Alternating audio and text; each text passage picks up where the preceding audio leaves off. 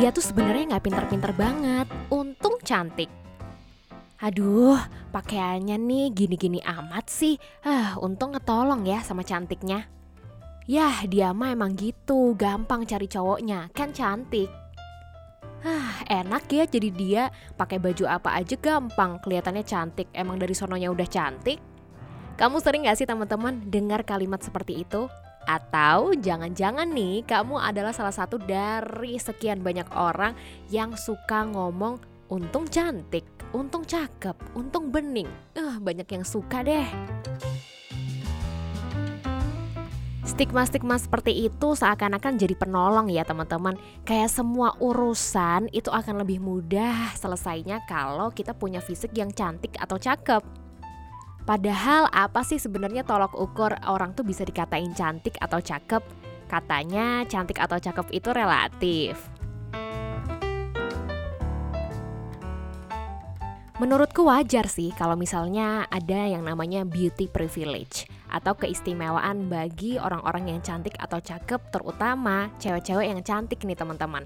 Kadang-kadang kalau ceweknya tuh lebih cantik, lebih bohai, lebih bening, itu pasti dia mendapatkan perlakuan yang lebih istimewa dibandingkan perempuan-perempuan lain yang kelihatannya nih hmm biasa aja. Hal tersebut timbul dari adanya ketidaksetaraan atau inequality. Inequality ini teman-teman sebenarnya udah ada sejak dulu banget. Dari beberapa jurnal yang aku baca, inequality ini hadir pertama kali pada tahun 1980-an. Tapi gak langsung ke perempuan, justru malah pertama kali hadir itu ke laki-laki dan juga orang-orang berkulit putih laki-laki dan orang-orang yang berkulit putih ini mempunyai keistimewaan sendiri. Misalnya nih, laki-laki kalau lagi jalan sendiri tengah malam itu nggak akan diikutin, nggak bakal dilecehkan, apalagi sampai di catcalling. Beda kan sama perempuan? Kemudian inequality itu berkembang sampai ke banyak bidang. Kalau misalnya kita sadar, inequality atau ketidaksetaraan itu juga hadir di dalam ras, agama, etnis, sexual orientation, nationality, bahkan sampai ke gender terutama pada perempuan nih. Banyak banget yang sekarang lagi ngomongin beauty privilege. Banyak banget netizen yang suka ngomongin, ah untung cantik, cantik mah urusannya gampang gitu ya. Banyak yang bantu, banyak yang nolong, semuanya fokus sama dia. Dan aku tertarik untuk membahas beauty privilege ini dari sudut pandang opiniku dan juga beberapa jurnal yang udah aku baca. Aku akan share ke kamu teman-teman jurnal yang udah aku baca ini. Kamu bisa langsung klik aja di link yang udah aku siapin di description box. Kamu tinggal cek aja dan kamu bisa download jurnalnya dari situ. Nanti kalau misalnya ada hal yang bisa mau di-sharing dan ada masukan buat aku, let me know ya. Touch aku aja langsung di Instagram di @ernicenut. Yuk kita bahas tentang beauty privilege ini di podcast review episode 22 barengan aku Erni Irdewanti.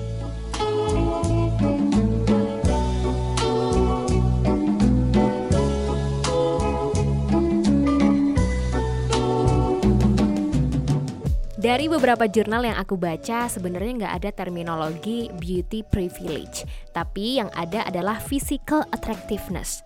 Ya, kurang lebih sama sih sama beauty privilege. Intinya, beauty privilege atau physical attractiveness adalah orang yang memiliki daya tarik secara fisik, khususnya pada wajah di para perempuan. Sadar gak sih teman-teman, meskipun di masyarakat kita ini gak ada indikator pastinya orang tuh dikatain cantik kayak gimana atau orang dikatain cakep kayak gimana, tapi kita tuh sebenarnya udah dikasih standar cantik atau cakep itu seperti apa sejak kita kecil loh. Kalau kita nonton kartun atau fairy tale mungkin seperti Barbie atau Ken, cantik itu pasti digambarkan sebagai perempuan yang punya tinggi badan yang cukup tinggi, rambutnya panjang dan lurus, terus kurus, semampai, seksi, ya kan? Sama kayak laki-laki. Seorang Ken nih pasti digambarkan sebagai sosok laki-laki yang gagah, putih, berisi, berwibawa. Jadi image yang terbentuk di kepala kita sampai kita dewasa pun cantik atau cakep itu pasti seperti itu Belum lagi nih media-media yang selalu menggambarkan bahwa cantik itu putih, cantik itu rambut panjang, cakep itu berwibawa, cakep itu tinggi, kurus, six pack, ya kebawa lah ya sampai kita ke mana-mana dan menjadikan itu sebagai standar kecantikan di lingkungan kita. Aku percaya don't judge book by its cover itu hanya sekedar quotes. Itu tuh mitos teman-teman. Kenapa? Karena sejak tahun 1972 pun dari jurnal yang berjudul What is Beautiful is Good menjelaskan orang yang mempunyai daya tarik fisik itu pasti diasumsikan memiliki hidup yang lebih baik, lebih berkompeten, dan sukses dalam berkarir dibandingkan orang-orang yang tidak punya daya tarik fisik.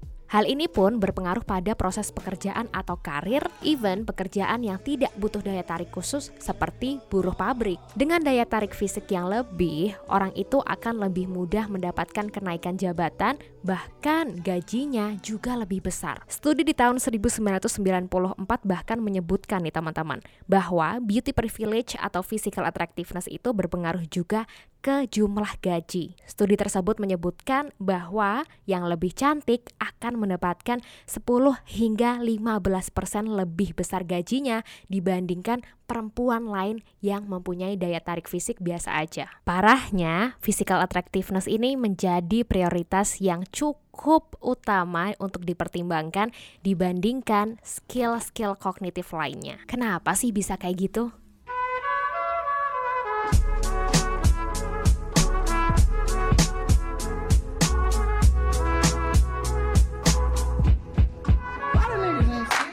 Kalau dari sisi psikologisnya nih teman-teman, dalam jurnal yang berjudul Why Beauty Matters ditulis dari Harvard University said that if someone is ionized, the enjoyment we derive from looking at them colors our perception of their attribute. Ketika seseorang sedap untuk dipandang, persepsi kita terhadap orang tersebut akan berubah menjadi lebih baik. Itu terjadi dari segala aspek dipandang lebih sehat, lebih pintar, dan punya kemampuan bersosialisasi yang baik.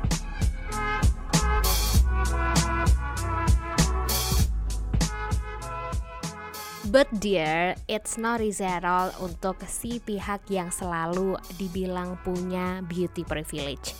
Kenapa?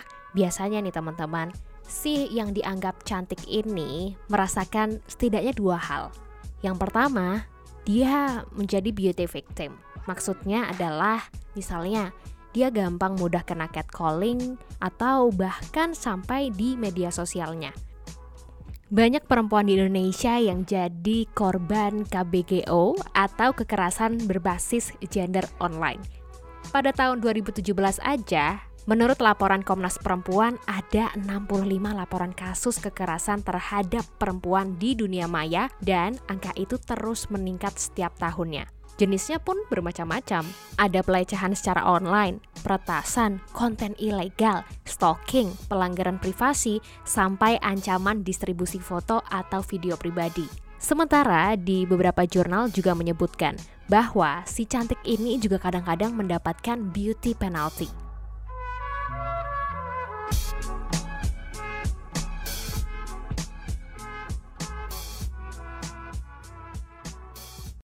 Istilah ini ditemukan di sebuah jurnal yang berjudul Judging a Book by Its Cover. Di studi tersebut menjelaskan bahwa beauty penalty adalah sebuah penalti yang didapatkan oleh orang-orang yang terlihat menarik setelah gagal memenuhi ekspektasi dari lingkungan sosial kepada mereka. Kenapa? Ya karena ekspektasi yang orang-orang berikan kepada mereka biasanya terlalu tinggi. Ada salah satu kasus di Amerika Serikat, teman-teman, yang menceritakan bahwa ada seorang pelayan restoran yang dianggap sangat cantik. Kemudian pelanggannya itu berekspektasi bahwa pelayannya akan memberikan pelayanan yang ramah, yang baik, dan memuaskan.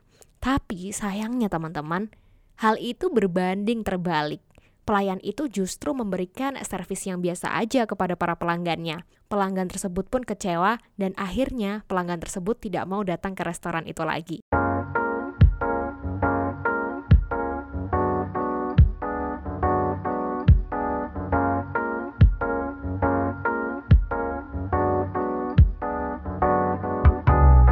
Jadi, bisa bayangin kan teman-teman gimana hidup sebagai orang yang dianggap si menarik itu. Mereka hidup di atas ekspektasi orang-orang yang ada di sekitarnya, bahkan orang-orang yang tidak mereka kenal. Ini hanya sekedar opini ku ya teman-teman, dan diperkuat oleh beberapa jurnal yang kemudian aku baca. I don't say that there are ugly women and beautiful women. For me, all women are beautiful on its way, but beauty privilege exists. Terima kasih sudah mendengarkan, dan selamat membaca.